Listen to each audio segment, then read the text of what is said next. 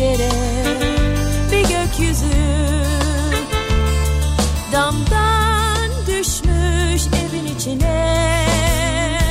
Vay vay sevdin onu Vay vay sevdin onu Vay vay sevdin onu Vay vay sevdin onu.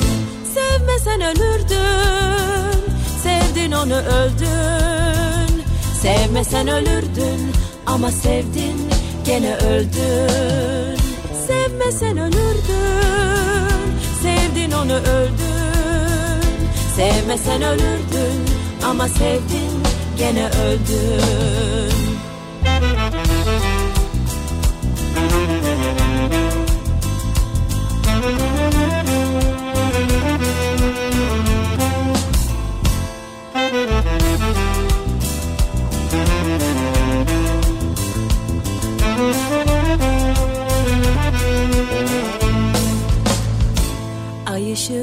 dedi Gel peşimden İnat olsun ele güne.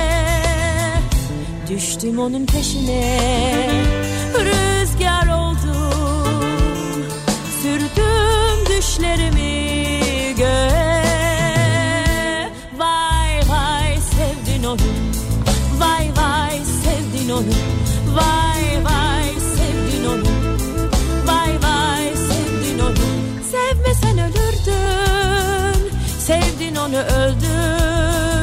Sevmesen ölürdün Ama sevdin gene öldün.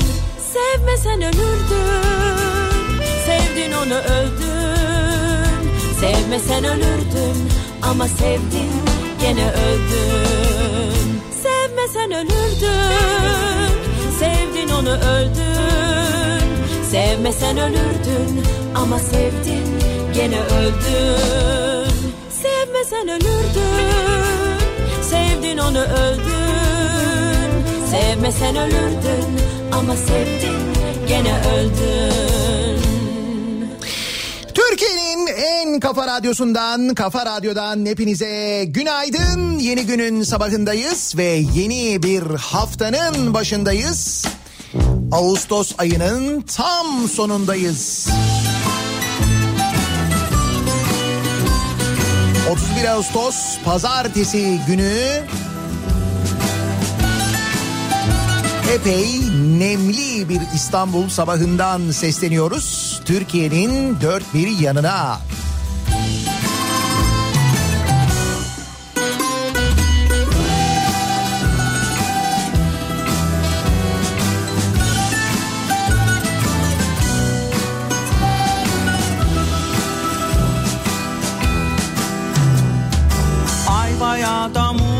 Muz ne fark eder? İkimiz de yorulmuşuz. Dert tasa keder yeter bir boğmanın kucağında durulmuş Ayvayı yiyen bilir tabii ki mutlaka eden bunu Bana sor ben aşktan anlatan yalancı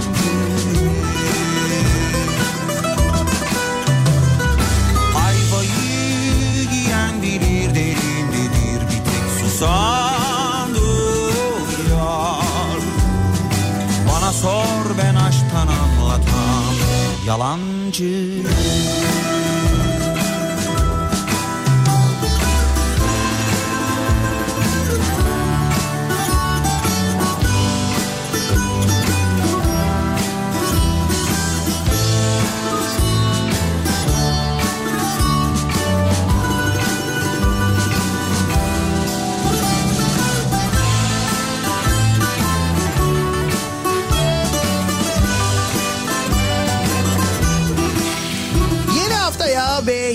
güne başlarken şöyle güzel bir haberle başlayalım. 19 yaş altı genç kızlar Avrupa Şampiyonası finalinde Türkiye Avrupa şampiyonu oldu voleybolda. Sırbistan'ı e, yendi 3-2. güzelce soyul Genç kızlarımız ve 2012'nin ardından ikinci kez kupa Türkiye'ye gelmiş olduğu bir dünya e, bir Avrupa şampiyonluğu kazanmış olduk. Dün e, akşamın güzel haberlerinden bir tanesiydi bu. Tebrik ediyoruz.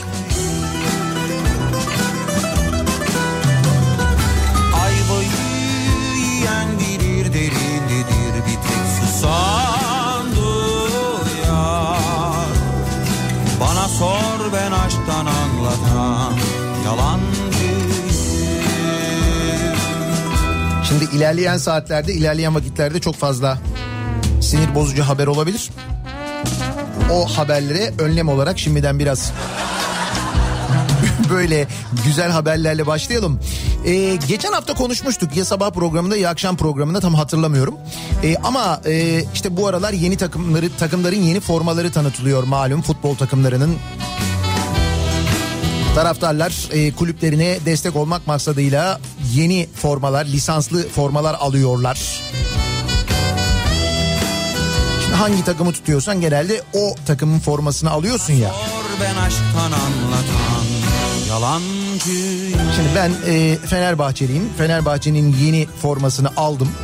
Ama bir tane de Samsun Spor forması almak e, niyetindeyim. Hatta almak için girişimde de bulundum ancak e, yoktu. Yani şeyden internet üzerinden alamadım. E, stokta yoktu. İşte yenisi gelecek diye bekliyorum. Neden? Çünkü Samsun Spor'un e, tanıtılan yeni formasında e, bir e, hani böyle Samsun deyince ilk akla gelen Samsun'un da aynı zamanda şehrin de logosu olan keza kulübün de aynı şekilde Atatürk'ün at üstündeki e, böyle bir portresi var. İşte o portre e, formanın e, üstünde böyle çok geniş bir şekilde yer alıyor. Çok da güzel olmuş, çok şık olmuş gerçekten de. Bununla alakalı e, çok fazla böyle ilgi görünce sosyal medyada gündemde olunca sosyal medya üzerinden bir kişi Atatürk baskısının büyük olduğunu söylemiş. Böyle yazmış demiş ki çok büyük olmuş bu kadar abartmaya ne gerek vardı falan diye. Bunun üzerine Samsun Spor Kulübü'nün başkanı Yüksel Yıldırım yanıt vermiş demiş ki formamızdaki logoyu aslında daha da büyük yapıp herkesin gözünün içine sokmak istedik ama ancak bu kadar yapmamıza izin verdiler yanıtını vermiş. Gide gide tüm yollar bitti. Seve seve bütün Geçtiğimiz sezonu lider olarak tamamlayan ve birinci lige yükselen Samsun Spor yeni sezon için hazırlanan üzerinde Samsun'un sembolü Atatürk'ün şahlanan atının üzerindeki heykelinin ki onur anıt diye geçiyor. Yer aldığı baskılı forma sosyal medyada gündem oldu. Sosyal medya üzerinden bir kullanıcı baskının büyük olduğu ve seneye daha da küçültülebileceği yorumu üzerine Samsun Spor e, Başkanı Yüksel Yıldırım formamızdaki logoyu aslında daha da büyük yapıp herkesin gözünün içine sokmak istedik ama bu kadar bu kadarını yapmamıza izin verdiler. Asaletimiz formamızdaki armadan logodan geliyor. Varsın gitsin o da büyük olsun çünkü armadaki lider bundan fazla küçültülemiyor demiş. Şimdi dolayısıyla insanın daha da fazla alası geliyor.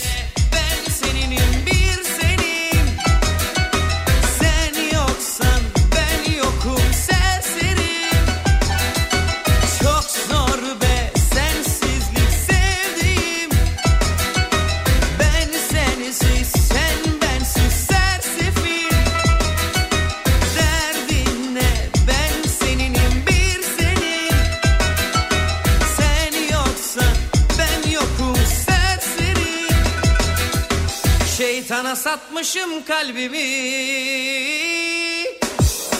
Peki dün ne oldu? 30 Ağustos nasıl geçti? Kutlamalara katıldınız mı? Türkiye'nin dört bir yanında kutlamalar vardı. Kutlamalarda sosyal mesafeye epeyce dikkat edildi. Onu çok net bir şekilde görebiliyoruz. Türkiye'nin her yerinde yapılan kutlama görüntülerinden Bodrum'undan İzmir'ine, Ankara'sından İstanbul'una her yerde yapılan bütün kutlamalarda e, epeyce dikkat edilmiş. Demek ki dikkat edilerek sosyal mesafe kurallarına uyarak kutlamalar yapılıyormuş. Yapılan diğer kutlamaların aksine.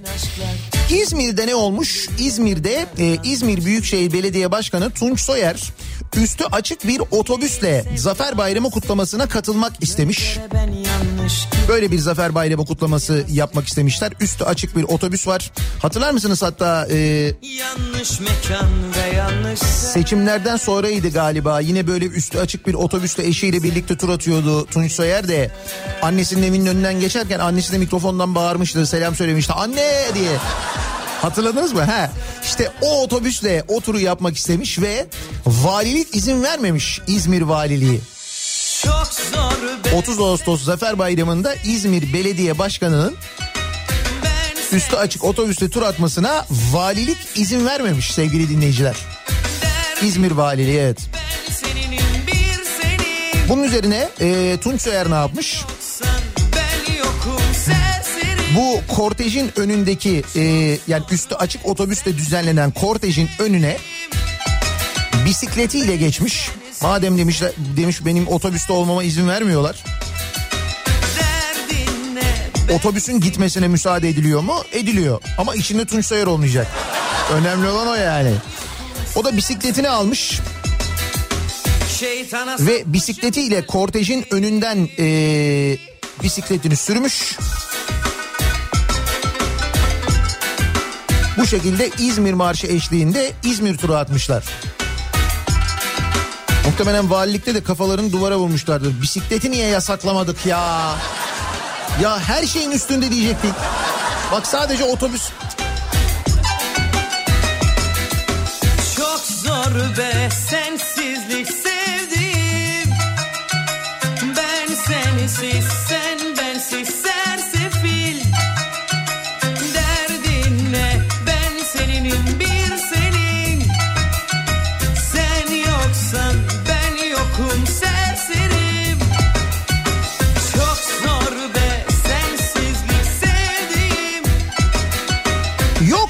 30 Ağustos'a alerjisi olanlar? 30 Ağustos'u bırakın coşkuyla kutlamayı. Kutlayanları gördükçe kuduranlar, delirenler olmaz olur mu? Onlar var. Onlar kimler? Onlar aslına bakarsanız çok net bir şekilde o yıllarda biz zaferi kazandığımızda 30 Ağustos zaferinde ya da onun öncesinde işte büyük taarruz sırasında kurtuluş mücadelesinin kurtuluş savaşının tamamında aslına bakarsanız milli mücadelenin e, tersine çalışanlar, Mustafa Kemal ve arkadaşlarını vatan haini ilan edenler, işte onların e, öldürülmesinin sevap olduğunu düşünenler, bırakın İngilizlerin himayesinde olalım diyenler var ya, işte onların torunları. Tabii canım onların torunları ya da torunlarının torunları neyse o nesil devam ediyor çünkü öyle bir nesil var. O nesil işte e, kuduranlar, alerjisi olanlar, söyleyenler bunlar onlar. Kimlikte Sivaslıyım ben hiç aşık olmadım Toplumla savaş İşte mesela bir tanesi de bu Akit TV denilen TV var ya televizyon. Birkaç gün biraz kafa dinleyeyim Devlet erkanının Anıtkabir'i ziyaretinin haberini verirken e, alt yazıda devletin zirvesi Anırkabir'i ziyaret etti diye yazmışlar. Anıtkabir değil Anırkabir. Sonra demişler ki hata oldu. Kalabalık boş dünyada Galiba tertemiz değildi Hiç hatasız tertemiz bir şekilde gün gelir anırırsınız. Onu da biz hep beraber görürüz hiç merak etmeyin.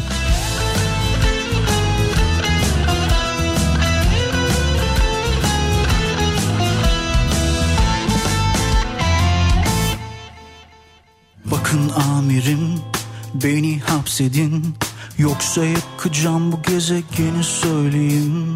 Çok kararlıyım, çok hevesliyim. Her şey tek bir kıvılcıma bakar bendeyim Evrenin dışındayım, evimde kiracıyım Sabah sekiz, akşam beş. Kendime yabancıyım, kimlikte Sivaslıyım. Ben hiç aşık olmadım, bu toplumla savaştayım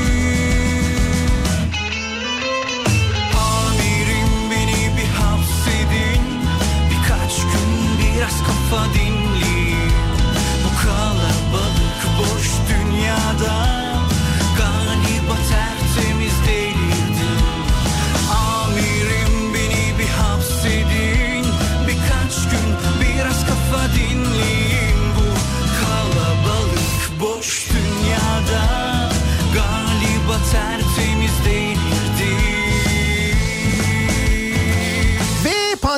Pandemi gündemi sahiller Covid-19 yokmuş gibi dolu. Hafta sonu gelen görüntüler Türkiye'nin dört bir yanından gelen görüntüler maalesef öyleydi. 30 Ağustos Zafer Bayramı kutlamalarında ne kadar sosyal mesafeye dikkat ediliyorsa tam aksine maalesef sahil bölgelerinden gelen görüntüler fena görüntüler. Bilim insanlarının tavsiyelerine rağmen örneğin benim önümde şimdi Didim sahillerinden gelen görüntüler var. Sosyal mesafe ve maske kurallarını, maske uyarılarını dinleyen yok. Plaja onlarca uyarı levhası konulmuş ancak e, o kurallar yine yok sayılmış. Kimse onları sallamıyor. Ve maalesef durum giderek daha kötü bir hal alıyor. E, nitekim Sağlık Bakanı'nın açıkladığı rakamlardaki tırmanış da ki o rakamlar gerçek rakamlar değil. Artık bunu hepimiz çok net bir şekilde biliyoruz. Hatta şöyle söyleyeyim. Türk Tabipler Birliği Başkanı yoğun bakımlar dolu, doktorlar hasta seçmek zorunda kalıyor derken açıklanan sayının en az 10 katı aktif Covid-19 hastası var demiş. 10 katından bahsediyoruz. Nitekim Ankara'daydık işte cuma günü. Ankara'daki hastanelerin durumunu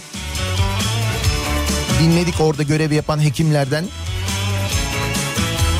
Bırakın e, hastanede yer bulmayı, hastanede yatırılması gereken hastaların e, sandalyelerde, koltuklarda bekletildiğini e, öğrendik. Hani hatırlıyor musunuz bu pandeminin ilk döneminde işte mesela İtalya'dan, İspanya'dan gelen görüntüler vardı. Koridorlarda yatıyordu hastalar.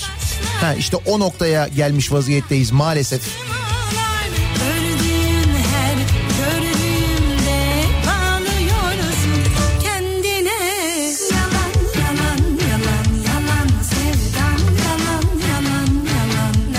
Böyleyken e, aslında mevzu tam olarak böyle insan canı iken Üstelik sadece kendi canı da değil. Şimdi siz mesela Covid-19 pozitifsinizdir. Siz bunu bir şekilde belki atlatırsınız. Kolay atlatırsınız. iyileşirsiniz. Ama e, evinizdeki e, işte ne bileyim ben mesela e, annenize, babanıza, eşinize, kardeşinize bulaştırırsınız. O sizin kadar şanslı olmayabilir. Onun hayatını kaybetmesine sebep olmak ya da hastaneye yatmasına yoğun bakıma girmesine, entübe olmasına sebep olmak ister misiniz? Şimdi bunu kime sorsanız hayır der değil mi normal koşullarda? Yani böyle bir şeye sebep olmak ister misin? Hayır der. Peki o zaman niye elzem olmayan şeyleri yapıyoruz? Yani elzem olmayan şeyler. Tamam işe gitmek elzem mesela. Hani diyelim işe gitmek elzem. Kaldı ki uzaktan yapılabilir bir işse o da değil aslında ama de ki işe gitmek elzem. O nedenle o minibüslere binmek zorunda kalıyoruz. Onun da çözümü var. Siz değilsiniz onun çözümü. O e, güzergaha o ek e, işte seferler konulması falan gibi böyle bir takım çözümleri var ayrı. Ama mesela şu düğün meselesini ben hala anlay- anlamış değilim. Yani gerçekten değilim. Düğün yapmak elzem değil elzem olmadığı gibi ya diyelim yaptın düğünü. Yani sen düğün yaptın sen gerçekten böyle düşünmüyorsun insanları e, insanların canını. Çünkü sen diyorsun ki canım biz her türlü önlemi aldık işte uzak duracağız falan. Öyle olmuyor. İnsanlar düğün alanına gittiklerinde düğün yerine gittiklerinde böyle zaman geçtikçe yavaş yavaş yavaş yavaş yavaş yavaş birbirlerine yaklaşıyorlar. Giderek daha normalleşiyor. Öyle bir his var çünkü insanda. Hayır işin kötü tarafı düğüne gelmeyenlere böyle bir gönül koymak falan gibi bir durum var. Ya benim etrafımda insanlar var ya ben ikna edemiyorum insanları düğüne gitmeme konusunda. Ya diyorum ki gitmeyin. Bana diyor ki işte amcam diyor şey yapar diyor. Amcam diyor küser bana diyor. Bir daha hayatta konuşmaz benimle diyor. Ya diyorum konuşmayabilir de. Sen hayatta olmazsan amcan kiminle konuşacak? Ya bunu diyenin mesela evde annesi var. Kronik rahatsızlığı var ona bulaştırma riski var mesela. Onun e, hayatını kaybetmesine sebep olma riski var. Yani annenin hayatını kaybetmesi riski mi? Amcanın sana gönül koyması mı diyorsun? Öteki şeyi yaşayıp yaşamayacağından çok emin olmadığı için diyor ki yok yok ben gideyim diyor. Mesela.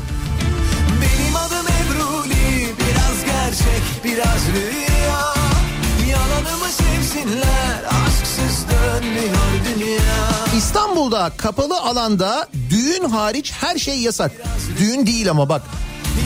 İstanbul Valiliği bugünden itibaren pazartesi gününden itibaren kapalı alanlarda sünnet düğünü, kına gecesi, nişan gibi etkinliklere müsaade edilmeyeceğini duyurmuş. Sünnet düğünü yasak, kına gecesi yasak, nişan yasak, düğün o olur. Ne farkı var? Amca gönül koyar yoksa... Hay o zaman diğerlerini niye yasaklıyoruz? Yani madem yanlış, yanlışsa düğünü niye yasaklamıyoruz? Yani tamam nikah yapılsın. Evlensinler gençler bu kadar birbirlerini seviyorlarsa, istiyorlarsa, beraber yaşamak istiyorlarsa o da okey. Evlensinler yani. Düğünü de seneye yaparız. Ne olur yani? Çok uzaklardan dönerim Sen unut geçmişini Ben aklımda tutarım Sen unut geçmişini Ben aklımda tutarım bakarım Pandemi sadece bizim derdimiz değil elbette. Bütün dünyada büyük sıkıntı. Avrupa'da da böyle vaka sayılarında çok ciddi bir yükselme olduğu yönünde bilgiler geliyor. Dünyanın farklı yerlerinden de öyle. Şili'den gelen enteresan bir haber var. Güney Amerika ülkesi Şili'de Şili Devlet Başkanı Sebastian Pinera koronavirüse res çekmiş. Ve demiş ki bizi rahat bırak ülkemizi terk etmeni rica ediyorum demiş. Virüse. Bak bu da bir mücadele yöntemi mesela. Şaka değil ha gerçekten yani Biraz gerçek biraz rüya Şili devlet başkanı bildiğin e, koronavirüsün ülkesini terk etmesini rica etmiş. Böyle olmuş yani. Çok uzaklardan dönerim Sen unut geçmişini Ölümcül ve çok yıkıcı olan koronavirüse Şili devlet başkanı olarak bizi yalnız bırakıp ülkemizi bir an önce terk etmesini rica ediyorum demiş. Adamım Bu açıklamalar Temmuz ayından kalma bir tartışmayı gündeme getirmiş. Şili Devlet Başkanı Pinera'nın bu tarz tik ve spazmlarının akıl sağlığıyla bağlantılı olduğu iddia edilmiş. Bu son açıklamadan sonra bu tartışmalar yeniden başlamış. Şili'de bir de öyle tartışmalar mı varmış? Akıl sağlığı yerinde değil diyorlarmış devlet başkanı için. Şili'ye bak sen bunu diyebiliyorlar mıymış ya?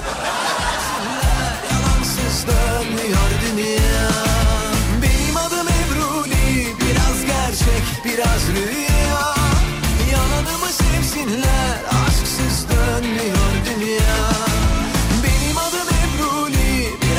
Pazartesi gününün sabahındayız. Haftanın hemen başındayız. Nasıl bir sabah trafiğiyle güne başlıyoruz? Trafiğin durumuna hemen bir bakalım.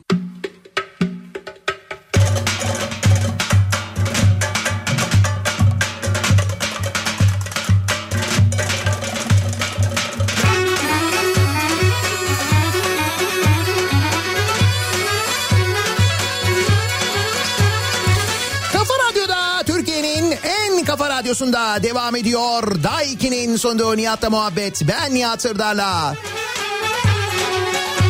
Pazartesi gününün sabahındayız. 31 Ağustos tarih. Koskoca Ağustos'u da bitirdik, yedik. Vay be şaka maka Eylül geldi gerçekten ya. Ateş attım samana Bak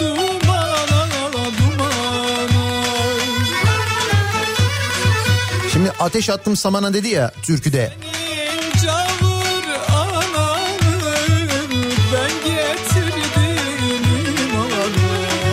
Ağrı'dan gelen bir haber var da onunla başlayalım. Dilek balonuyla yapılan evlilik teklifi yangın çıkardı. Buyurun.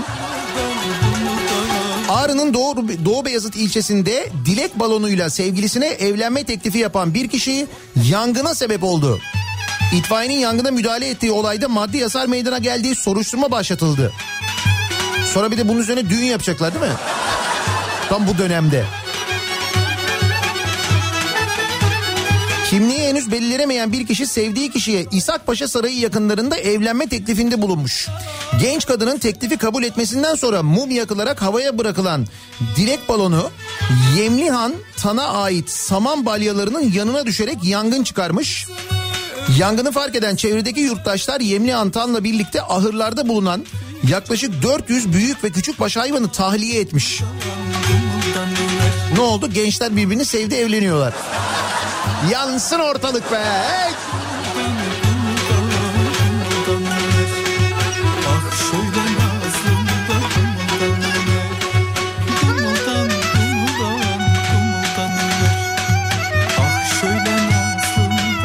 Evinde rakı imal etmiş.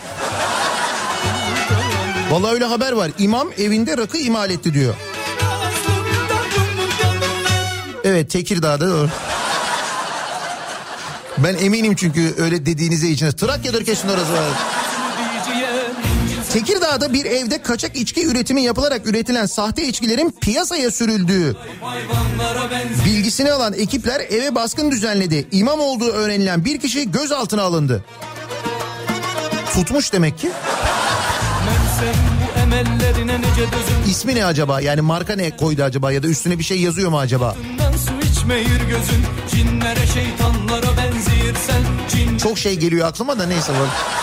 acayip hayvanlara benziyirsen Acayip hayvanlara benziyirsen Aa bu ne kafiyedir açıp gelmişsen Gözlerin Rizeli esnaftan ilginç çözüm. Dükkanını kurtarmak için bakın ne yaptı. Artık Karadeniz'de e, bu hani sel felaketi yaşanması olayı biliyorsunuz hani normalmiş normalmiş gibi geliyor. Bu yaz mesela bir yaz hiç olmasa böyle bir sel felaketi falan olmasa ne oldu diyeceğiz. Aslında yağış olmadığı manasına gelecek. incedi Armudun isyanlara benziyor Bin yıldır e, yağış alan bölgede farkında mısınız? Son 20 yıldır son 30 yıldır nasıl bir artış var bu sel felaketlerinde heyelanlarda neden acaba bu son yıllarda böyle bu kadar artıyor? Çünkü yıllarca insanlar yırttılar kendilerini dediler ki mesela Karadeniz sahil yolu yapılırken bakın yaparsanız böyle olur dediler. Hadi oradan siz Karadeniz'in gelişmesine karşısınız. O yolu siz mi gidiyorsunuz falan dediler. Dediler ki ya yol yapılır ama böyle yapılmaz da anlatamadılar insanlar. Bunu söyleyen insanları o Karadeniz sahil yoluna karşı olan insanları vurdular biliyorsunuz. O oldu yani. Sonra hidroelektrik santral diye bir şey çıkardılar. O hidroelektrik santrallerin üstelik ne kadar verimli olduğu hala tartışılıyor. Bırakın tartışılmayı. Devlete e, satılıyor o hidroelektrik santrallerden üretilen elektrik. Üstelik e, dolar üzerinden sabitlenerek satılıyor. Tabii canım. hayvanlara benziyirsen Ve o hidroelektrik santrallerin yapılırken de onlar yapılırken de aynı şekilde yine uyarıldı. Bakın bunları yaparsanız bu suyun hareketini, yolunu, rejimini değiştirirseniz bu ileride çok büyük problem olur. Sel olur, heyelan olur falan dendi. Peki ne oldu? Kimse kulak asmadı. Çünkü o santralleri kim yapıyordu? Canikos'u yapıyordu. Bunun üzerine bakmışlar ki insanlar artık çözüm olmuyor. 51'e Her sağanak yağışın ardından doğal afetlerle karşı karşıya kalan Rizeli esnaf dükkanı sele kurban gitmesin diye iple caminin kolonuna bağlamış. Dükkanını iple camiye bağlamış. Şaka değil. Rizeli'nin Çayeli ilçesi Büyükköy beldesinde beldeye bağlı Demirciler Mahallesi'nde bakkallık yapan Oktay Özdemir geçtiğimiz hafta Doğu Karadeniz'i etkisi altına alan sağanak yağışlarda dükkanı sele kurban gitmesin diye arkadaşlarının da yardımıyla iple dükkanının karşısındaki caminin kolonuna bağladı. Dükkanı. E, Bakmışlar ki bir önlem alınacağı yok. Hep böyle olacak bundan sonra. Demişler ki böyle çözelim ne yapalım? Kartlaşmışsan çok yaramazlaşmışsan Saç kalmayıp başında dazlaşmışsan Kapaksız kazanlara benziyirsen Kabaksız kazanlara benziyirsen Acayip hayvanlara benziyirsen Acayip hayvanlara benziyirsen. Keyifte yiyip şişirmişsen karnını Köfte yiyip şişirmişsen karnını Beleş yiyip şişirmişsen karnını Beslenmiş hayvan Geçen hafta konuştuğumuz bir konu vardı hatırlıyor musunuz? Hani geçen hafta mıydı ondan önceki hafta mıydı? PTT'nin bir ihalesinden konuşmuştuk. Hani 300 milyon liralık fotokopi işi vardı. PTT bunu kendi yapamadığı için kimse kalmamış çünkü PTT'de. Fo fotokopi çekip bunu dijital ortama aktaracak kimse kalmayınca bunu dışarıya vermişti bu ihaleyi. 300 milyon liralık ihale. Sonra bu ihale e, işte çok fazla gündeme gelince en sonunda iptal edilmişti Ulaştırma Bakanlığı tarafından. Şimdi o konuyla ilgili bir gelişme var. Şöyle ki e, PTT ve taşeron şirket arasında yapılan 300 milyon liralık fotokopi ihalesi karşılıklı mutabakatla iptal edilmesine rağmen şirkete 3 milyon dolar tazminat ödeneceği öğrenilmiş. Nasıl?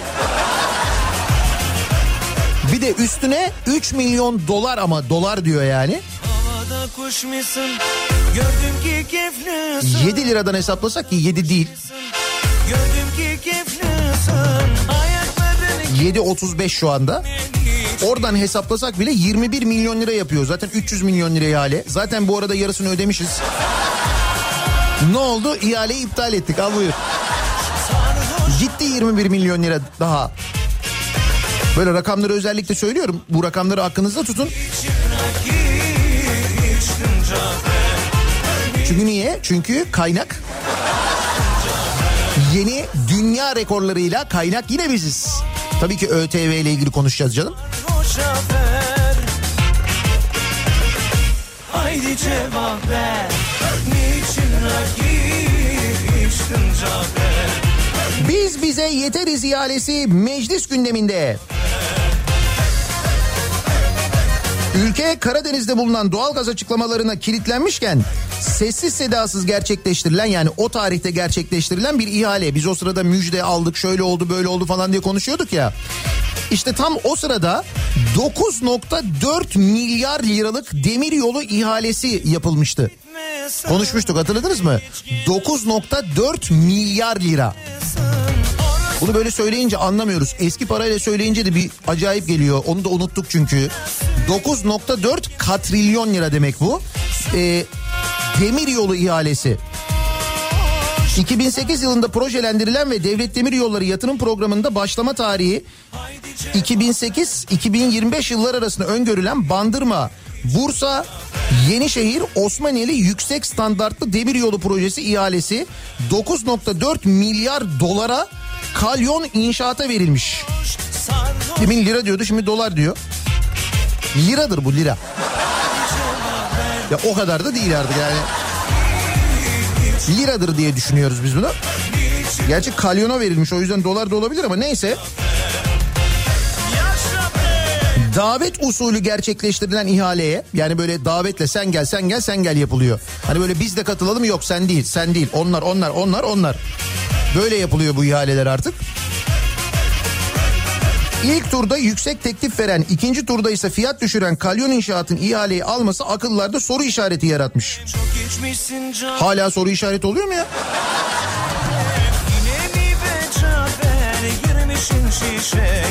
Bu arada hakikaten o biz bize yeteriz ne oldu? Yani o şey ne oldu, o para ne oldu onu merak ediyorum ben de. Bunu benden başka kimse merak etmiyor mu ya? Hayır nereye harcandı yani? Tamam güzel. Biz bize yettik mi yetmedik mi? Bir yandan onu öğrenmek istiyorum. O toplanan para kalem kalem nereye harcandı? Neticede biz vermedik mi o paraları? Biz verdik.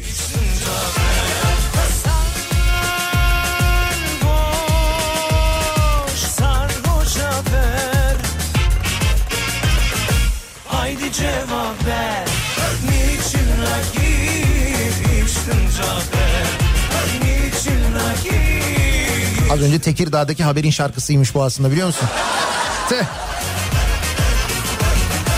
Toprak Mahsulleri Ofisi fiyat artışları ve stokçuluğu önleme gerekçesiyle buğday ithalatı ihalesi açmış. Yine buğday ithal ediyoruz. Üstelik buğday üreten çiftçiye 1650 lira veren hükümet ithal buğdaya 2425 lira verecek. Nasıl? Ee, fiyat artışını bahane edip buğday ithal ediyoruz. Ama yurt içinde çiftçiye ödediğimizden ne kadar fazla neredeyse yüzde elli fazlasını yurt dışından ithal ediyoruz. Ya misal Rusya'daki çiftçiye Türkiye'deki çiftçiden fazla para ödüyoruz yani. Onun gibi bir şey oluyor değil mi? Süper bir tarım politikası. Gerçekten on numara tarım politikamız var bizim.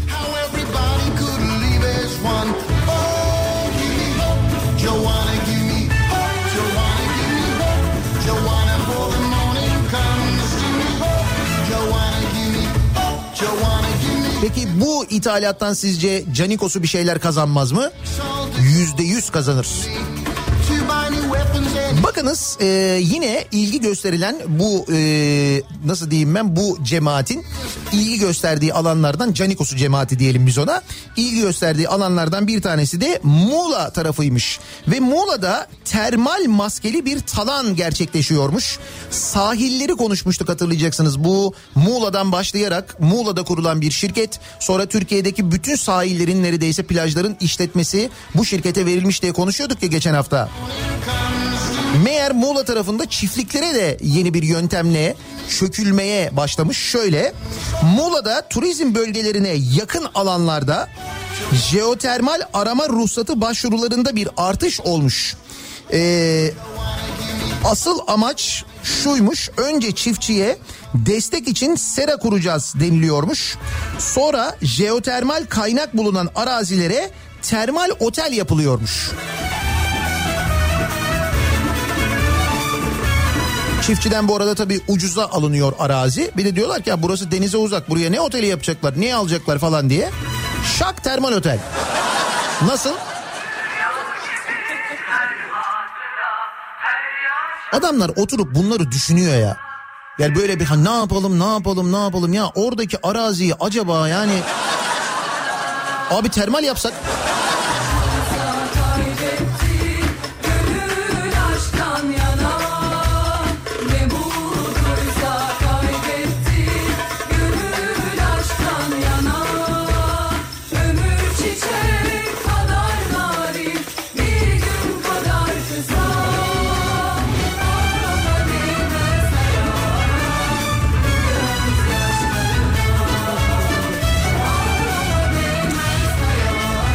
haftanın en çok konuştuğumuz tartıştığımız konularından bir tanesiydi. Geçen hafta pazartesi günü biliyorsunuz okullar açılmış şöyle açılmıştı. Öğretmenler okula gitmeye başla, başlamışlardı. Ee, işte seminerler toplantılar adı altında öğretmenler pazartesi günü okula giderken e, buradan da bize seslerini duyurmaya çalışmışlardı. Bakın biz okula gidiyoruz ama şimdi oradaki bulaş riskini nasıl alacağız üstümüze diyorlardı. Hiçbir önlem alınmamış okullar leş leş gibi diyorlardı. Ee, bunu anlatıyorlardı. Neden bu toplantılar online yapılmadı diyorlardı. Nitekim haftanın sonuna doğru öğrendik ki bu okula giden öğretmenlerden hasta olanlar birbirlerine bulaştırdıkları için 180'di en son rakam diye biliyorum ben. 180 okulda daha sadece öğretmenlerin gittiği okulda Covid-19 görülmüş oldu. Şimdi öğretmenler e, bu derdi yaşarken Veliler bunun tedirginliğini yaşarken, öğrenciler ne yapacaklarını tam olarak bilemezken, işte bu e, uzaktan eğitim tartışmaları, EBA tartışmaları falan bir yandan devam ederken, işte herkeste internet yok, herkeste e, işte belki bilgisayar yok, nasıl olacak bu işler falan diye konuşulurken o sırada bütün bu sorunların içinde Milli Eğitim Bakanı çıktı bir açıklama yaptı. Kaçmak ister Şimdi bekliyorsun ki Milli Eğitim Bakanı'ndan hani bu sorunlara nasıl bir çözüm bulabiliriz? İşte bak mesela okullara e, dezenfektan alınamıyor. Milli Eğitim Bakanlığı onlara kaynak ayıramıyor. E, okullara yeteri kadar kaynak gitmediği için velilerden istiyorlar. Temizlik malzemesi alamıyoruz diyor okul yöneticileri. Ve bütün bunların karşısında Milli Eğitim Bakanı Ziya Selçuk şunu söylüyor. Diyor ki eğitimde asıl yük öğretmen maaşı ile ilgilidir. Öğretmen maaşlarından dolayı yatırıma fırsat kalmıyor. Yani diyor ki Milli Eğitim Bakanı aslında diyor şu öğretmenler olmasa bu milli eğitimi bir güzel idare edeceğim ama diyor. Bak gördüğün gibi değişen bir şey yok. Tarih tekerrürden ibarettir yani. Milli Eğitim Bakanı öğretmen maaşlarının yük olduğunu düşünüyor. Böyle bir Milli Eğitim Bakanımız var.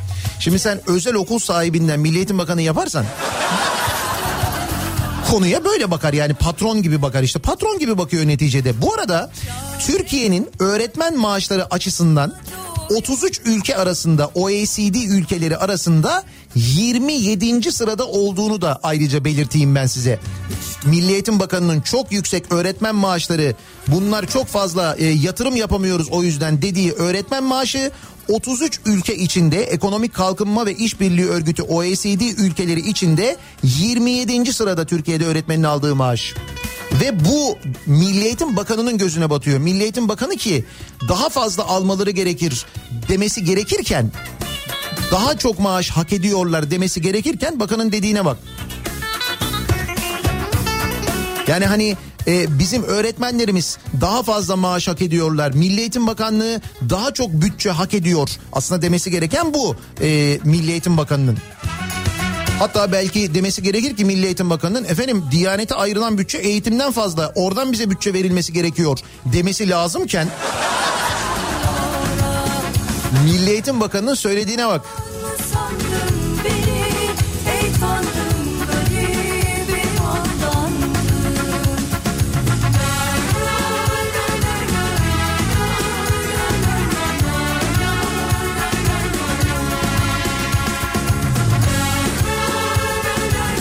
Arada diğer ülkelerle aramızdaki farkı anlayın diye de buradaki rakamları söylüyorum. Şimdi ülkeler arasındaki ürün ve hizmet fiyat farklılıklarını da dikkate alan satın alma gücü bazında hesaplanan verilere göre 2018 yılında Türkiye'de 15 yıllık tecrübeye sahip bir ilkokul öğretmeni yani 15 yıldır ilkokul öğretmenliği yapan bir öğretmenin yıllık brüt maaşı dolar üzerinden hesaplanmış burada. Tabii dolar şimdi düşünce şey e, dolar tabii hani burada kur artışıyla birlikte farklılık da gösteriyor ama 28.545 dolar seviyesindeymiş. Brüt maaştan bahsediyorum.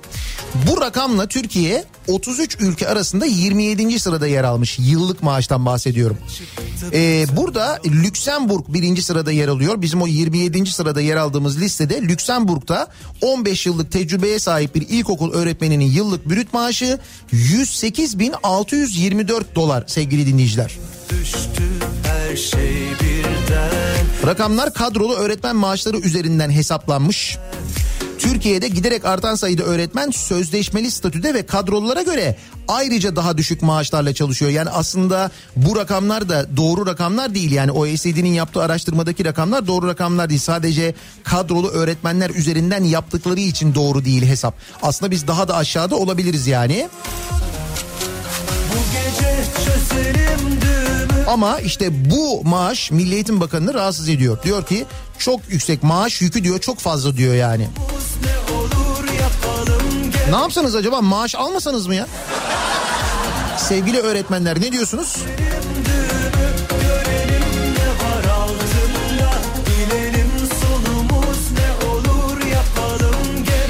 Şimdi belki de bu yüzden belki de bu yüzden para e, ihtiyacı olduğu için bütçenin diyelim öyle düşünelim hani iyi düşünelim.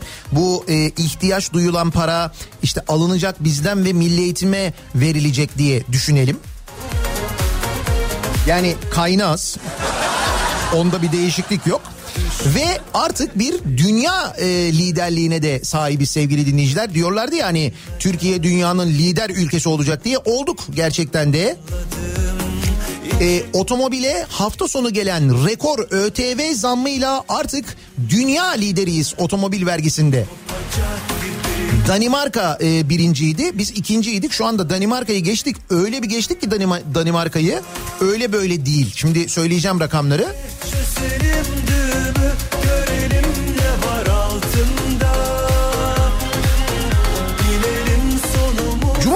kararıyla orta ve üst grup otomobillere fahiş ÖTV zamları yapılırken alt dilimlerde yer alan araçlarda ise küçük çaplı güncelleme yapıldı.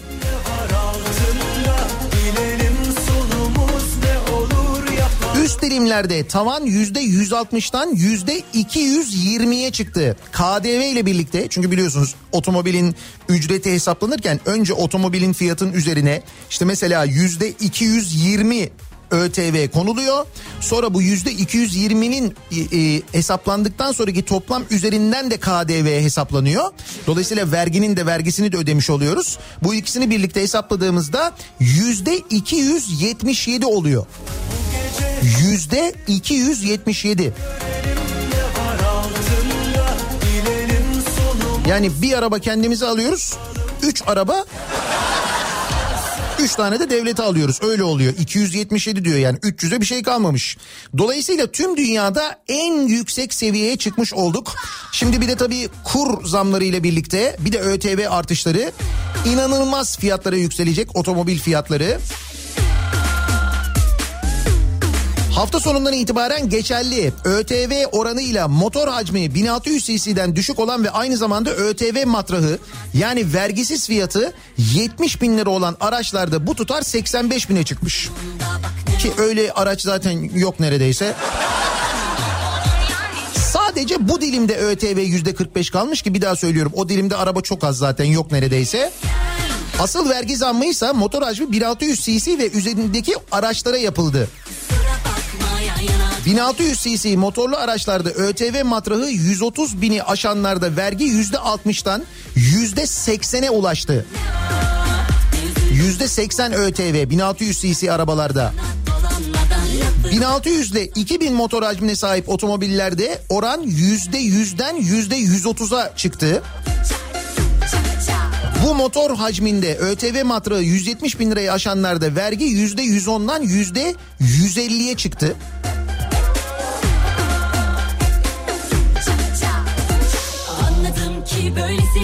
Matras sınırı olmayan araçlarda yüzde 220 ÖTV alınacak. Böylece KDV ile birlikte en üst otomobil vergisi yüzde 277'ye yükselecek. Yükselecek değil yükseldi yani şu anda öyle. Yani matrahtaki değişiklikle satış fiyatı şu anda 125 bin ile 150 bin lira arasında olan otomobiller bunların e, bazı modellerinde fiyatlarda in, e, fiyatlar inmiş olacak. Küçük motorlu araçlarda ÖTV matrağı 130 bini aşanlarda vergi yüzde 60'tan yüzde 80'e ulaştığı için birçok markada önemli artışlar olacak. Mesela demiş ki Audi A3 Cabrio'da 46 bin liralık vergi kaynaklı yükseliş olacak. Bu arada e, Danimarka 2019'da yüzde 212'yi aşan vergi tavanıyla birinci sırada yer alıyormuş Danimarka. Yani dünya birincisi Danimarka'ymış. Yüzde 212 alınıyormuş orada e, şeyde vergi tavan vergi yüzde 212'ymiş e, otomobil vergisi. Bu arada e, Danimarka'yı da biliyoruz. Yani şöyle biliyoruz Danimarka'yı. E, hani nasıl e, kişi başına düşen milli geliri yüksek olan bir ülke olduğunu biliyoruz değil mi Danimarka'nın? Danimarka'da yüzde 212 bizde yüzde 277. Ne oldu Danimarka? Bak ama bu Danimarka'ya bir haddini bildirmek gerekiyordu zaten ben katılıyorum buna. Abi dünya birincisiyiz ya. Bak ne diyorum sana. Dünya birincisiyiz diyorum. Yalnız yüzde 277 hakikaten ürkütmedi mi sizi de ben? Yüzde 277 diyor.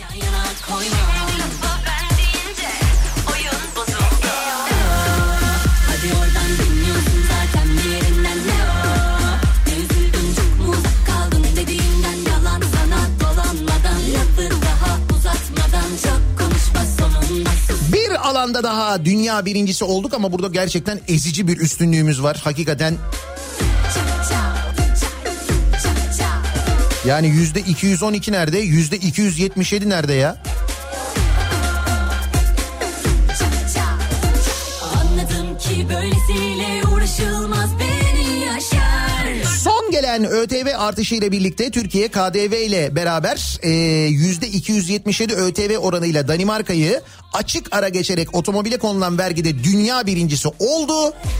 Başka hangi konularda dünya birincisiyiz sizce diye bu sabah dinleyicilerimize soruyoruz. Kalbim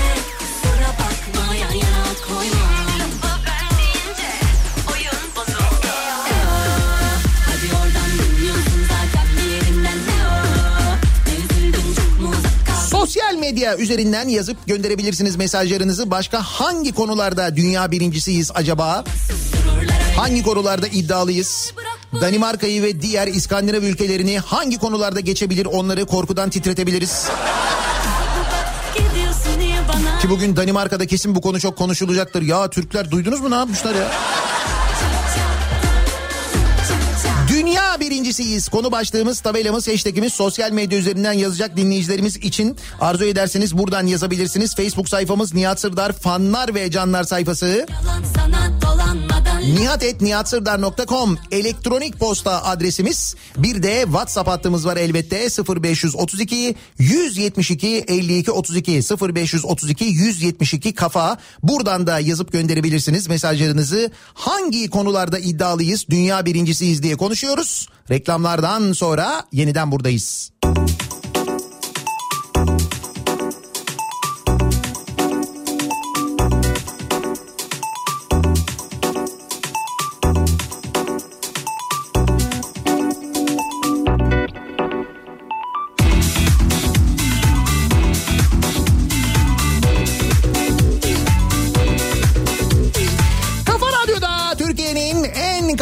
radyosunda devam ediyor. Daiki'nin sunduğu Nihat'la muhabbet. Ben Nihat Sırdar'la. Çok uzun zamandan beri çalmıyordum ancak bu ÖTV artışı yani bizi yüzde 277 ile dünya birincisi haline getiren otomobilden alınan vergide dünya birincisi yapan yüzde 277'lik tavan vergiyi Bitti Doğal olarak e, aklımıza hemen Sinan Özen'i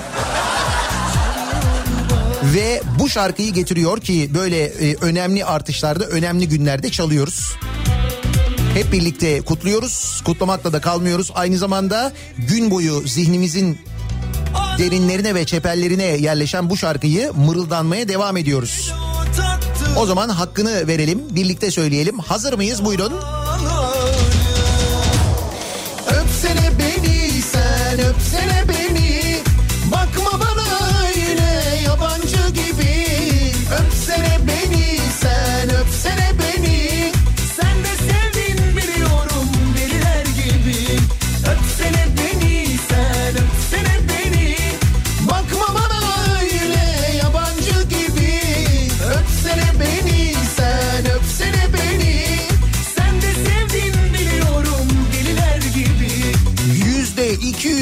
277 diyorum ya. Bu şarkıyı yani gerçekten de hak ediyor.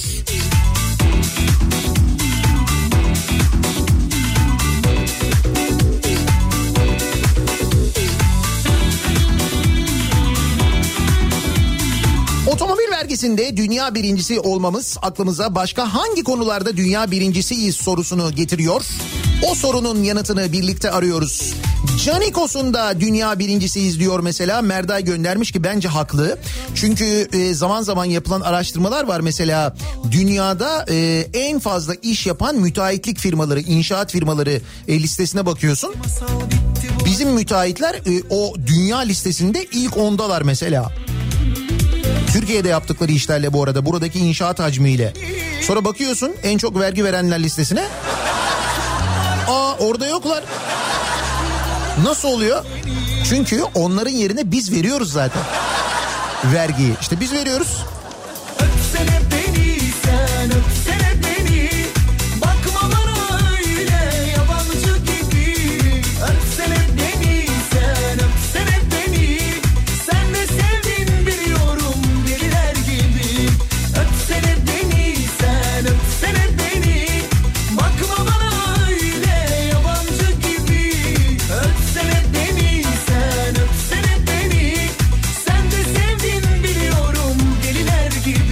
Radyosunu yeni açan ve direkt öpsene beniyle karşılaşanlar anlamışlardır ne olduğunu.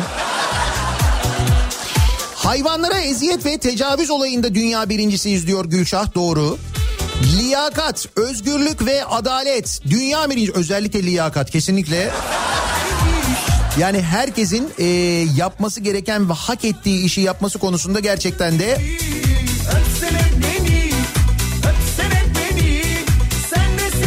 araba ucuz olursa ülkede trafik olur diyen mühendis, doktor, CEO tanıdım. Ümitsizim bu ülkeden. Ortak noktaları da bu arada siyasi görüşleridir kendilerinin diyor. Araba ucuz olursa ülkede trafik olurmuş. E birader eğer böyle düşünüyorsan o kadar yolu niye yapıyorsun? E bir de öyle bir şey var. Bu kadar yol yapıyoruz o zaman o kadar yol niye yapıyoruz?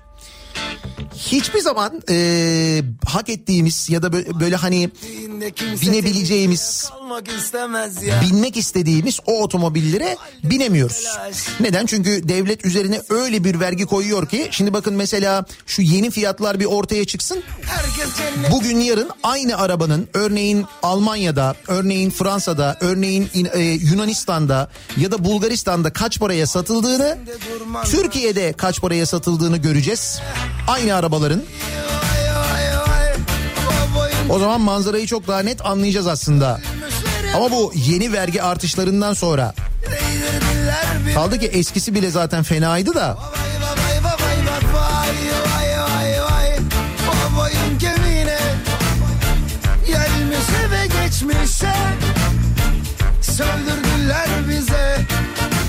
Ulusumuzun en büyük bayramlarından olan 30 Ağustos Zafer Bayramı'nı kutlayan halkın seçilmiş vekillerine engel koymakta ve şiddet uygulamakta ki dün bunlar oldu evet ve atanın huzurunda saygısızca slogan atmakta.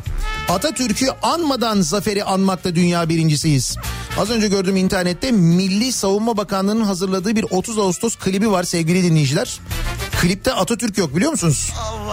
Milli Savunma Bakanlığı hazırlamış. kalmak istemez ya. Ve dün Anıtkabir'de yaşananlar ama bu Anıtkabir'de yaşananlar 30 Ağustos'ta yaşananlar yeni bir şey değil ki. Ben 10 Kasım'da Anıtkabir'deydim. Ee, 10 Kasım törenlerinden sonra da o Anıtkabir'in içine alınan siviller yine slogan atmışlardı. Yine aynı sloganı atmışlardı. Bu yeni bir şey değil. 10 Kasım'da yaptılar bunu ya 10 Kasım'da. Vay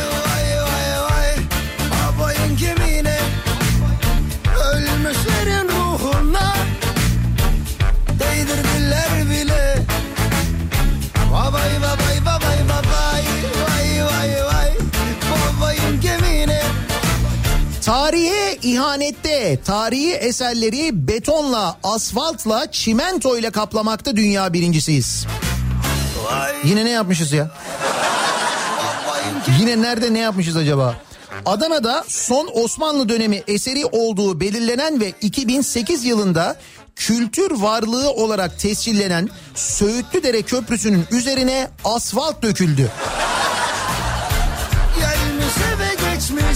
Sadece bu mu? Kemerlere de beton dökülmüş aynı zamanda. Bravo.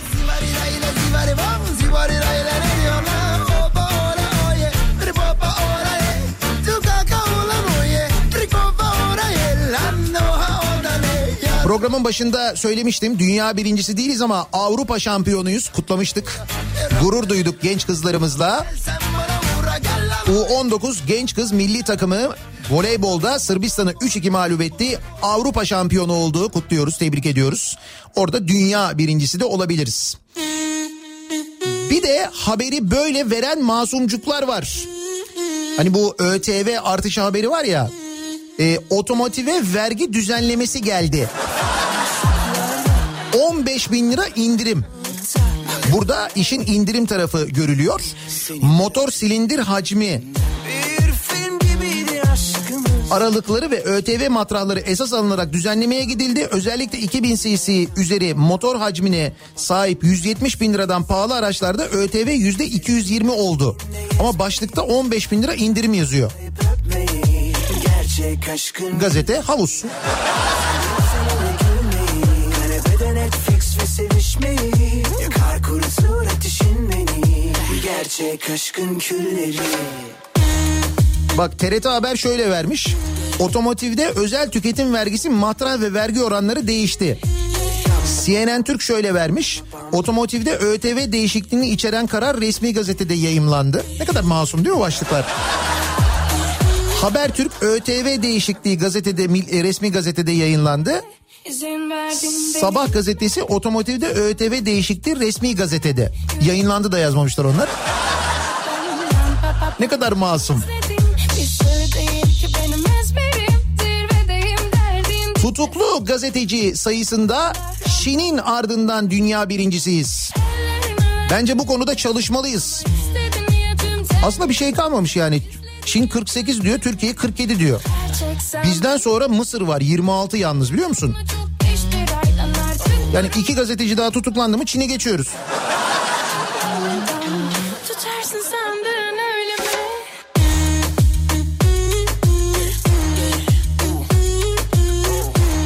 O etil alkol indirimi kalkmış sevgili dinleyiciler.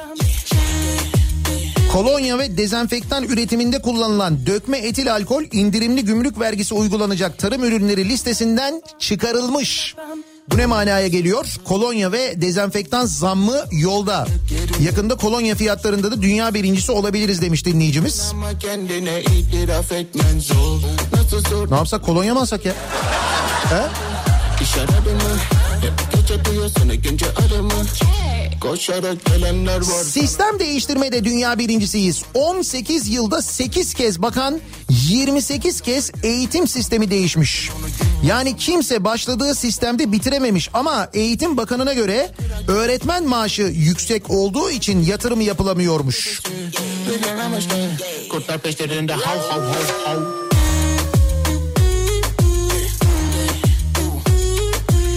Üreticiye zarar vermekte, aracıya kar yaptırmakta dünya birincisiyiz. Bak bu çok doğru bir tespit biliyor musunuz? Üreticiye, e, tarımla e, uğraşana, hayvancılıkla uğraşana zarar vermekte, onları bu işten soğutmakta, tarımı, hayvancılığı terk etmelerini e, sağlamakta hakikaten dünya birincisiyiz. Öte yandan bu işlerin aracılarına öyle bir para kazandırıyoruz ki bütün dünyada gıda fiyatları düşerken Türkiye'de gıda fiyatları yükseliyor. Yıllardır da bu böyle biliyor musunuz? Yıllardır ve bunun çözümünü de e, bakanlık diyor ki e, o zaman diyor ithal ederiz diyor fiyatı kontrol altına alırız diyor. Hayır olmuyor. O ithal ettiği ürünleri de yine aracılar sattığı için yine fiyatlar yüksek kalıyor. O işe de yaramıyor. Sen baya bela belasın bela bela bela belasın bela bela Yumurta üret kazanma, süt üret kazanma, buğday üret kazanma, mısır üret zarar et. Ama bunların hepsini toptan alsat senden kazançlısı yok.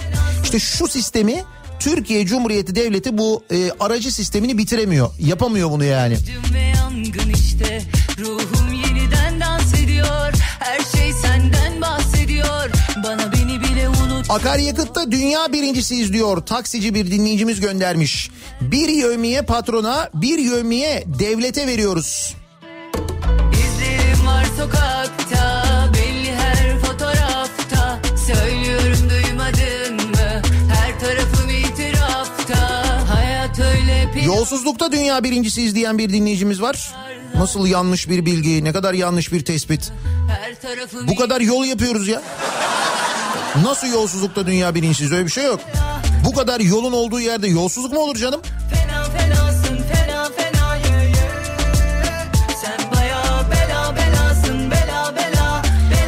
Hayal kuramamakta dünya birincisiyiz. Hayal kurabilmirem diyor bir dinleyicimiz. ÖTV'leştirilmiş gibiyiz hissiyat olarak. Hayal kuramıyoruz değil mi? Ulan şu arabayı fa- ya boş ver abi ya.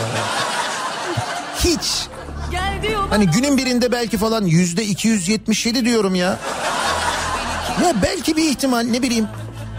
Sen baya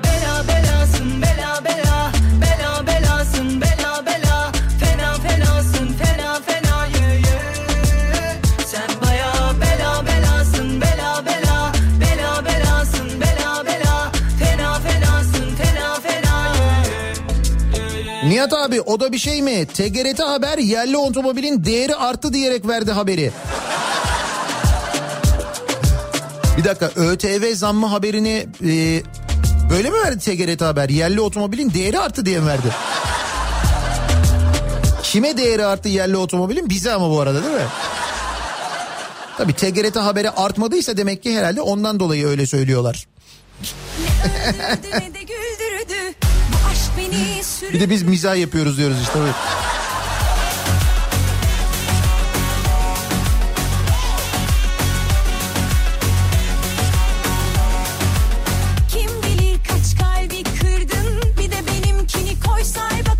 Az önce dediniz ya Almanya'da Amerika'daki araba fiyatlarını karşılaştırırız.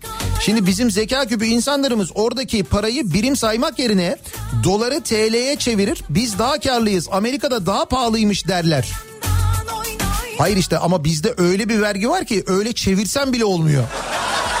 Olmuyor ki arkadaş. Yani Amerika'daki mesela doları TL'ye çeviriyorsun arabanın fiyatını hesaplıyorsun. Bizde yine 3 misli.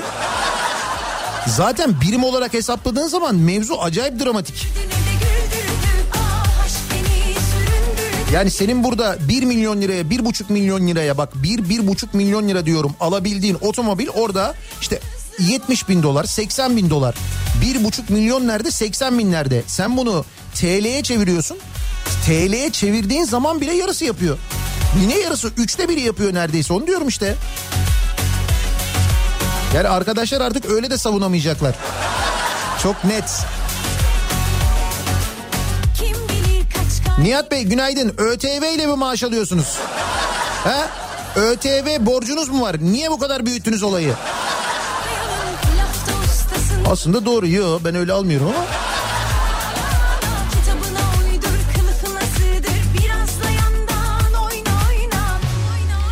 Bir araba almaya niyetlendim. Faiz yükseldi.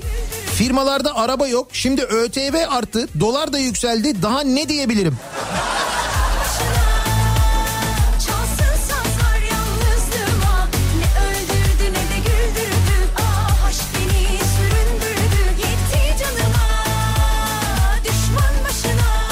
Eskiden bir otomobil hayalimiz olurdu.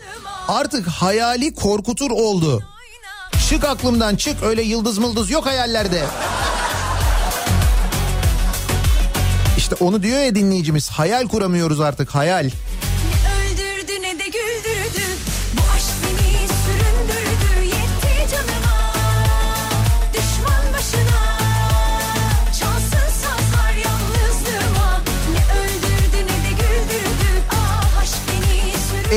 İçki üretiminde muhtemelen dünya birincisiyiz. Hepimiz kimyager olduk diyor Bursa'dan Özdemir. Evet bu alanda tabii resmi bir araştırma yapılamıyor. E, çünkü o tespiti yaptığın zaman direkt böyle ceza meza kesiliyor ama hakikaten böyle bir araştırma yapılsa biz orada bir epey yukarılarda çıkarız. Ben öyle tahmin ediyorum. Eskişehir'de yangın helikopterleri uçuyormuş. İnşallah kötü bir durum yoktur diyor Eskişehir'den bir dinleyicimiz.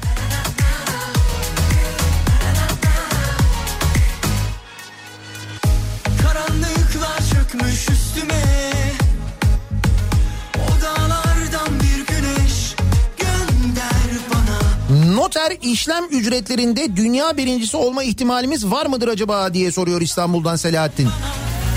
O konuda yapılmış bir araştırma var mı bilemiyorum. Wushu'da dünya birincisi olabilir miyiz? Kesin. Ama şöyle biz olamıyoruz. Akrabalar var onlar olabiliyorlar. Biz dünya birincisi olamıyoruz hiçbir şekilde.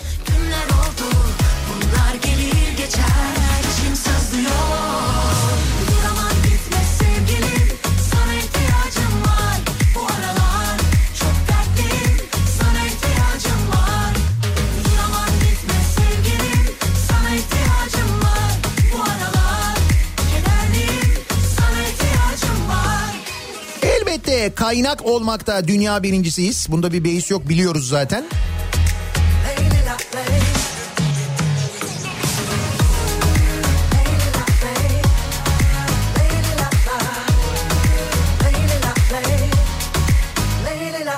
Antalya'dan bir öğretmen dinleyicimiz göndermiş de diyor ki bugün diyor e, okul müdürleri toplantı yaparak bizleri uzaktan eğitimle ilgili bilgilendirecek. Müdürüme toplantıda bu ay maaşımızı yatırmayın bakanlığımızın yükünü bir nebze hafifletelim diyeceğim. Zannediyorum bana bir soruşturma yükü gelecek.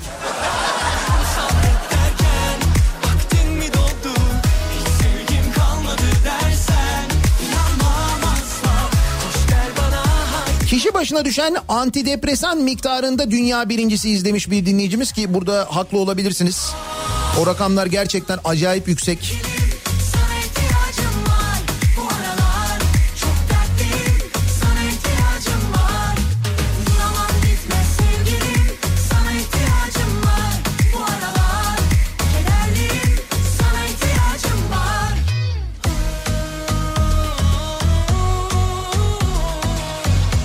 Bence trafik kurallarına uyma ve trafikte birbirimize hoşgörüde dünya birincisiyiz. Benim bir tezim var. Bu ülkede insanlar trafikte birbirlerine nasıl davranıyor ve trafikte nasıl hareket ediyorlarsa o ülke o kadar medeni ve hayat içerisinde de insan davranışları bir o kadar benzer diyor Alptekin. Katılıyorum Alptekin'in bu söylediğine. Bizim trafikteki davranışlarımızla bakıyoruz genel davranışlarımıza. Evet birçok şeyi aslına bakarsanız birbirine bağlayabiliriz. Hangi konuda dünya birincisi olduğumuzu görüyorsun değil mi diye göndermiş bir dinleyicimiz. Aha gördüm Ee, şey Denizli'deki horoz. Dünyanın en büyük horozu konusunda dünya birincisiyiz. Bizde birinci horoz bizde yani. Açınca sen varsın 100 milyon lira 100 milyon. Guinness Rekorlar kitabına da başvuruda bulunulacakmış bununla alakalı. Guinness rekoru için dünyanın en büyük e, horozuyla alakalı. Çıkınca Ne oldu peki? Oldu mu acaba o? sen varsın yerinde tatilde cehennemin dibinde sen varsın 4 ay önce arabamı satarak 40 bin lira kredi çekip sıfır araba alacaktım. Şu an arabamı satıp 100 bin lira kredi çekersem aynı arabayı alabiliyorum. Bir yöne savrulsam 4 ayda oluyor bunların hepsi. Nasıl?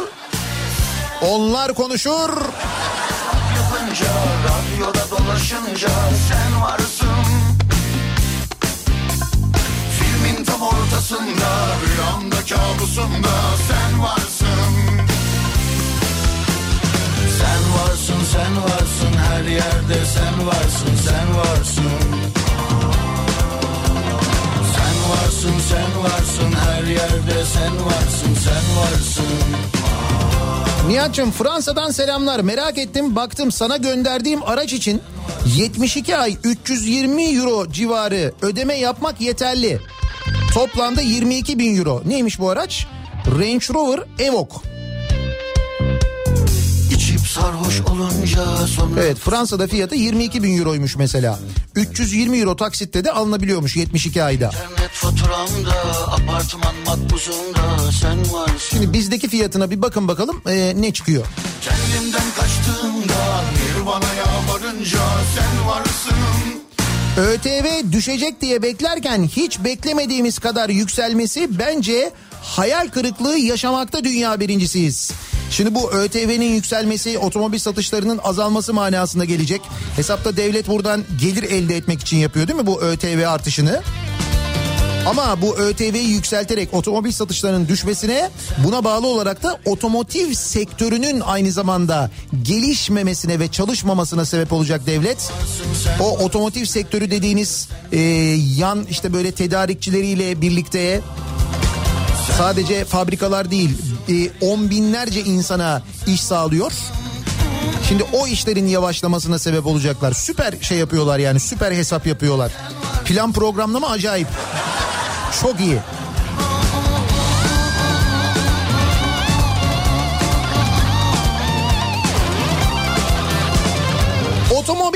Alınan vergide dünya birincisiyiz artık sevgili dinleyiciler. Danimarka'yı da geçtik. Tavan yüzde 277 oldu.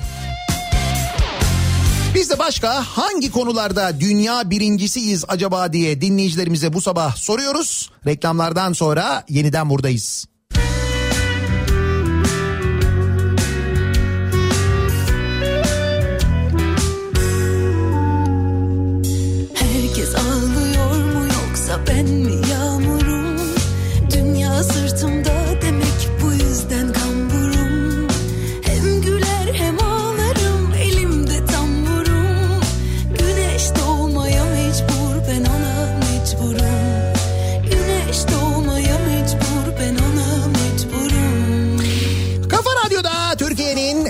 Kafa radyosunda devam ediyor. Daha 2'nin sonunda Nihat'la muhabbet. Ben Nihat Sırdar'la.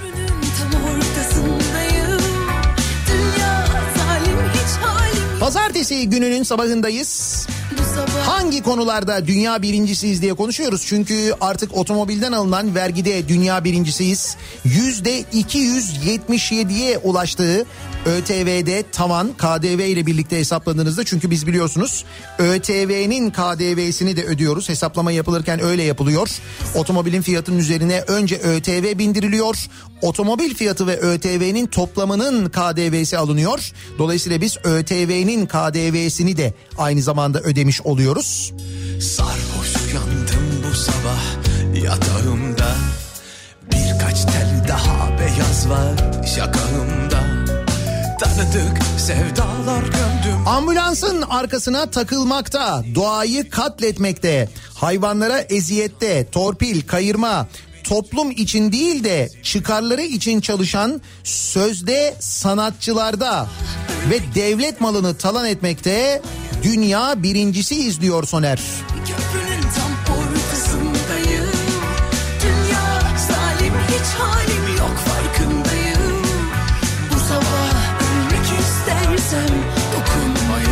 İstatistikleri yorumlama ve saptırma konusunda dünya birincisiyiz. Matematiğe bile matematiği bile yanıltıyoruz diyor Mehmet. Evet TÜİK'in bu konudaki çalışmaları gerçekten takdire şayan.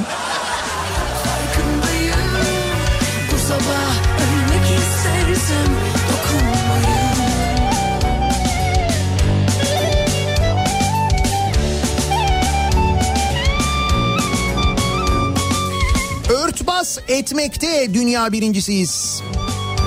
Neleri örtbas etmekte hemen hemen her konuyu örtbas edebiliyoruz. En son işte bakınız pandemi döneminde bunu yaşıyoruz.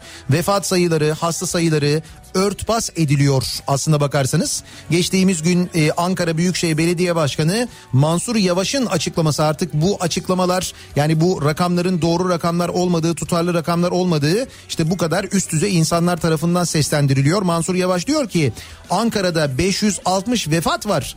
10 gündeki vefat sayısı 133. Günde 10, 15 hatta geçtiğimiz salı 17 kişi öldü hayatını kaybetti. Ama aynı gün Türkiye çapında bu sayı bakanlık tarafından 22 olarak açıklandı. Sadece Ankara'da 17 kişinin hayatını kaybettiği gün Sağlık Bakanlığı diyor ki 22 kişi hayatını kaybetti. Diyor ki Mansur Yavaş da bence bütün belediye başkanlarımız vefat sayılarını versin o sayıyı Sağlık Bakanlığı'nınkiyle kıyaslayalım demiş. Yani maalesef manzara hiç tahmin ettiğimiz durum hiç tahmin ettiğimiz gibi değil. Verilen rakamlardaki gibi de değil ve giderek daha da kötüleşiyor aynı zamanda. Bak zaman geçiyor durmadan Ne olur sen de vurma özlem ortadan İlaç yok merhem yok acı tavan İkinci elde indirim bekleyenlere ki ben de dahil sabah şekeri olsun bence bu oran. Ne olur Acaba ata mı dönsek diye soruyor Şafak. Yani atta ÖTV yok değil mi ya? Yani evet belki gideceğimiz yere biraz daha yavaş gidebiliriz ama en azından açık havada püfür püfür.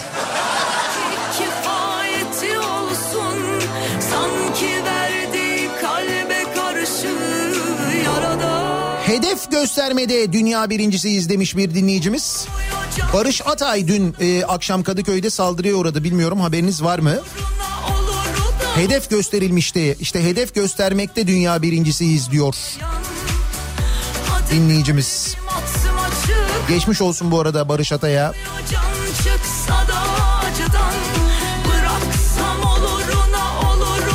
Nihat Bey ben arabaya o kadar para vermem.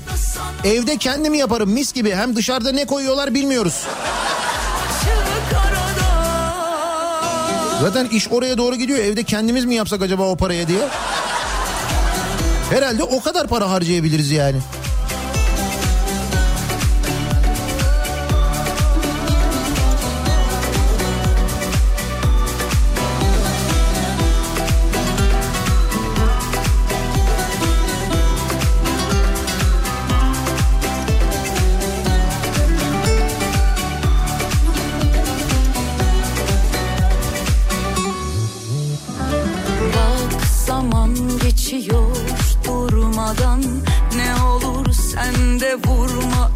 Özlem ortadan İlaç yok mer- Pahalı musluk kullanma konusunda dünya birincisiyiz. Ha öyle bir haber gördüm. Ee, doğru muymuş yani o musluğun fiyatı o kadar mıymış gerçekten? Baştan yanıma dökülen 9 bin liraya musluk mu olur ya? Dünyada ÖTV üretimi yapan lider ülkeyiz. Bunun adına bacasız sanayi diyoruz. Eskiden dünyanın tahıl ambarıydık şimdi ÖTV ambarıyız.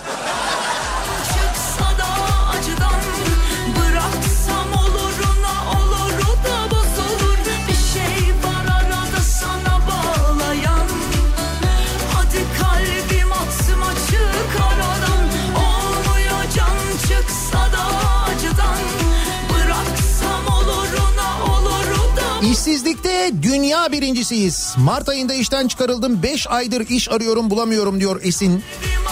Şimdi bir de bu işten çıkarma yasağı hala devam ediyor değil mi? Kısa çalışma ödeneği 2 ay uzatıldı.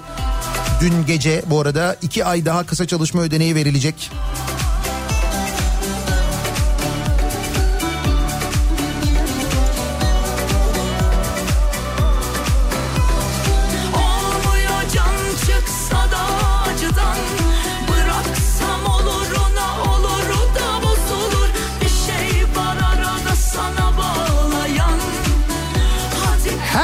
Türlü kâra geçmekte dünya birincisiyiz.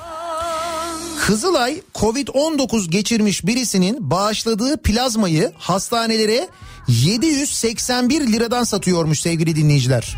Şimdi siz gidiyorsunuz Kızılay'a bağışta bulunuyorsunuz. Covid-19 geçirdiyseniz eğer antikor üretiyor ya sizin vücudunuz. İşte öyle bir bağışta bulunuyorsunuz. Bunu hastanelere 781 liradan satıyormuş. Ee, kan bağışladıysanız bunu da 239 liradan e, veriyormuş hastanelere. Bununla ilgili bir belge de var hatta burada da.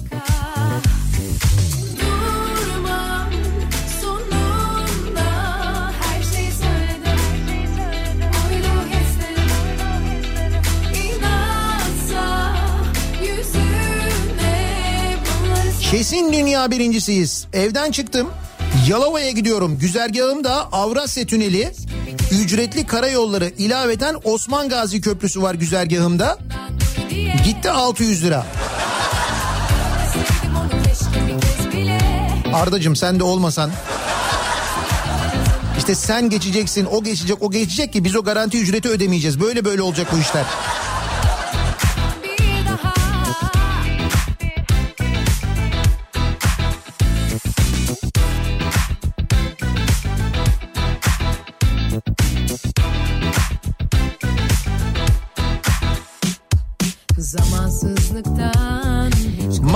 Makam araçlarında dünya birincisiyiz diyor Hidayet ki e, bunu zaman zaman rakamlarla da öğreniyoruz. Doğru olduğunu biliyoruz.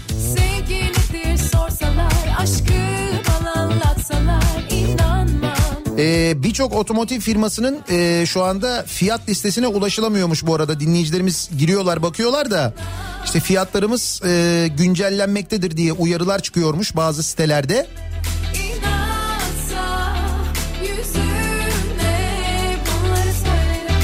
Twitter'da içerik kaldırtmada dünya birincisiyiz. Evet bu konuda dünya birincisiyiz doğru.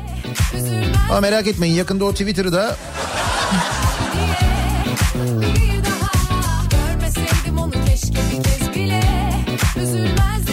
Nihat Bey yanımda e, sıfır otomobil taşıyan bir tır var. Direkt tırdan alsak indirimli olur mu acaba diye sormuş bir dinleyicimiz.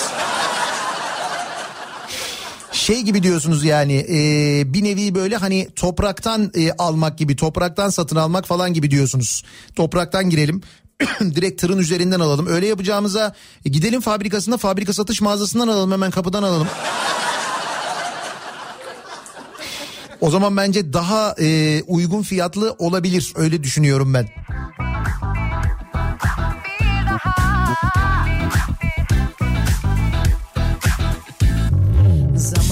Zamansızlıktan hiç korkma Güzel şeyler gelsin aklına Sevgi nedir sorsalar Aşkı bana anlatsalar inanmam Bir dakika Durmam sonunda her şeyi söylerim Nihat Bey günaydın. Bu Ferrari'yi alan sizsiniz değil mi? Açıklayın lütfen. Hangi Ferrari'yi? Ha şey 812 GTS diyorsunuz. 800 beygir gücündeki e, Ferrari 812 GTS 8 milyon lira fiyat etiketiyle yıl sonunda Türkiye'ye geliyor. Bu yalnız bu ÖTV artışından önceydi bunun fiyatı 8 milyon onu söyleyeyim. Ama tabii ben önceden aldığım için asla söyleseydim 5 tanesi satılmış. Bir kişi bu yılın sonunda, iki kişi 2021'de, iki kişi de 2022'de teslim alacakmış. bir daha Ben hangisiyim acaba?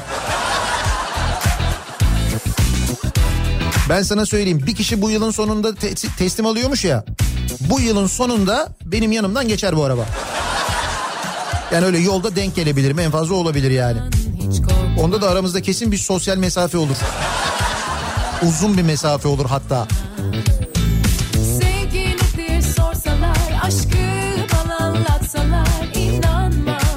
Acaba bu ÖTV artışı da CHP yüzünden olabilir mi ya?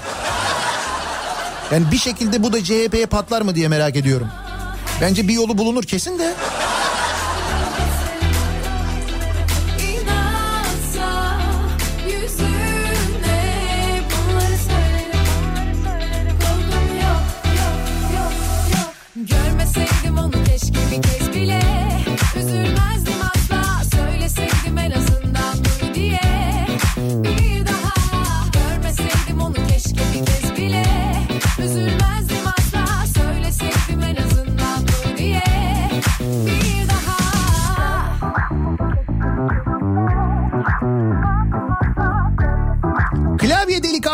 Konusunda dünya birincisiyiz. Troller bariz örnek. İyi olan her şeyi karalar, kendilerine verilen emirleri yaparlar diyor Antalya'dan Veli. Evet gerçekten de orada büyük bir istihdam yaratmış vaziyetteyiz.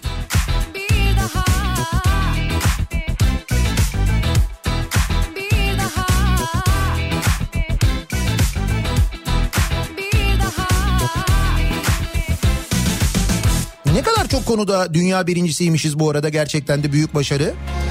Ee, Fransa'da 200 ne kadardı 22 bin euro olan bir arabadan bahsetmiştik ya az önce.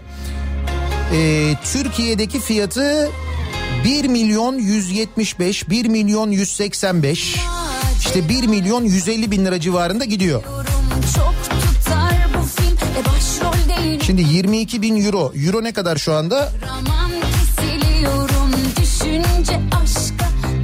8, e, 8 ne kadar? 8.40 mı ne kadar?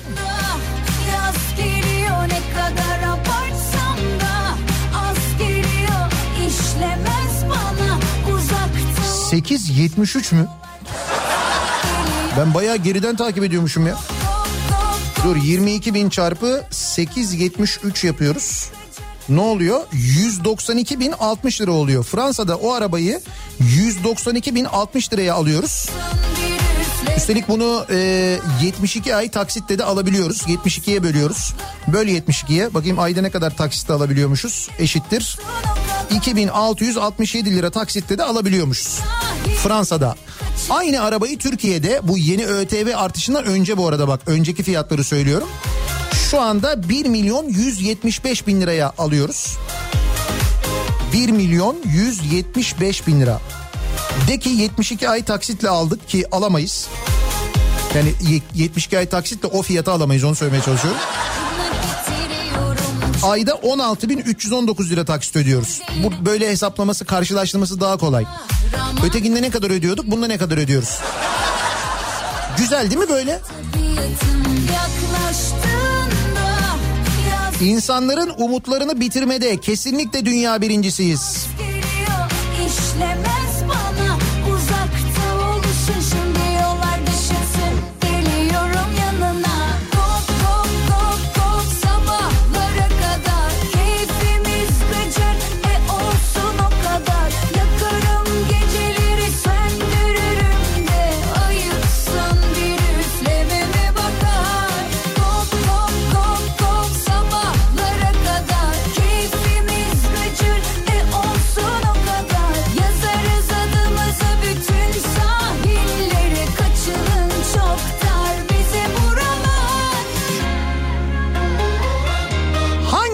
Konularda dünya birincisiyiz acaba diye bu sabah konuşuyoruz dinleyicilerimizle. ÖTV'de otomobilden alınan ÖTV'de e, şu anda dünya birincisiyiz. Yüzde 277 tavan e, otomobil vergisi oluşmuş vaziyette. E, bunun büyük bölümü ÖTV bir de üstüne KDV eklediğinizde yüzde 277 vergiyle otomobil alınıyor Türkiye'de. Hal böyle olunca yüzde 212 olan dünya birincisi Danimarka'yı böyle açık ara geçmiş oluyoruz ve dünya birincisi oluyoruz. Başka hangi konularda e, böyle lideriz ve dünya birincisiyiz acaba diye dinleyicilerimize soruyoruz. Reklamlardan sonra yeniden buradayız.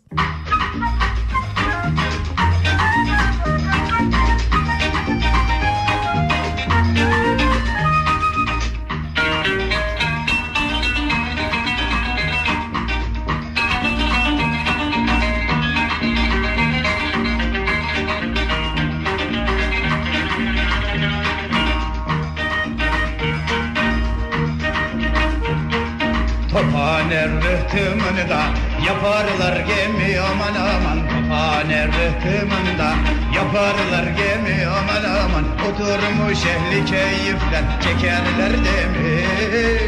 Oturmuş ehli keyifler çekerler demi. Çatlak patlak delik deşik kambur kör nalet malet hepsine bak. Çek mastur çek aman aman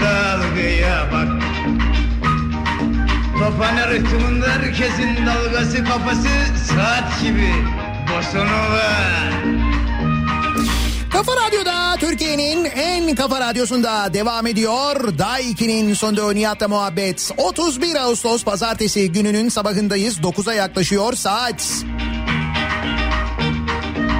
Hangi konularda dünya birincisiyiz diye bu sabah dinleyicilerimize sorduk ki birçok konuda gerçekten çok iddialı olduğumuzu görüyoruz. En son olarak otomobilden alınan vergide dünya birincisi olduk. Üstelik e, ikinci sıradaki Danimarka'yı ezici üstünlükte geçerek ki Danimarka'da tavan vergi yüzde 212'ymiş. Patlak delikte deşik Bizde ÖTV ve KDV'yi üst üste koyduğumuz zaman ki bu arada üst üste koymadığımız zaman da geçebiliyoruz da ikisini üst üste koyduğumuzda yüzde 277 oluyor tavan vergi. Mis. Şu anda otomobil fiyatlarına bir türlü ulaşılamıyor. Tabii fiyatlar yenileniyor. Vergiye göre yeniden oranlanıyor. Böylece bırakın o hayal ettiğiniz otomobili almayı, otomobili hayal etmek bile güçleniyor. Anlayacağınız hayallerimiz de ÖTV'lendiriliyor. Tophane rıhtımında yaparlar kantar aman Tophane rıhtımında yaparlar kantar aman. Bu sosyete kızlarının hepsi de mantar. Bu sosyete kızlarının hepsi de mantar. Çatlak patlak delikte deşik kambur kör Nalet malet hepsine bak. Çek mastur çek aman aman dalgaya bak Yayınımızın sonuna geliyoruz. Mikrofonu Kripto Odası'na Güçlü Mete'ye devrediyoruz. Türkiye'nin ve dünyanın gündemini, son gelişmeleri birazdan Kripto Odası'nda dinleyeceksiniz. Bu akşam 18 haberlerinden sonra eve dönüş yolunda Kafa Radyo'da Sivrisinek'le birlikte ben yeniden bu mikrofondayım. Tekrar görüşünceye dek hoşçakalın. Rıhtımının kızların nazlı aman aman Tophane rıhtımının kızların nazlı aman aman Şu İstanbul şoförleri hepsi de hızlı. İstanbul şoförleri hepsi de hızlı. Çatlak patlak delikte deşik kambur kör. Nalet malet hepsine bak. Aman aman Çek mastor çek aman aman Dalgaya bak. Bosunu ver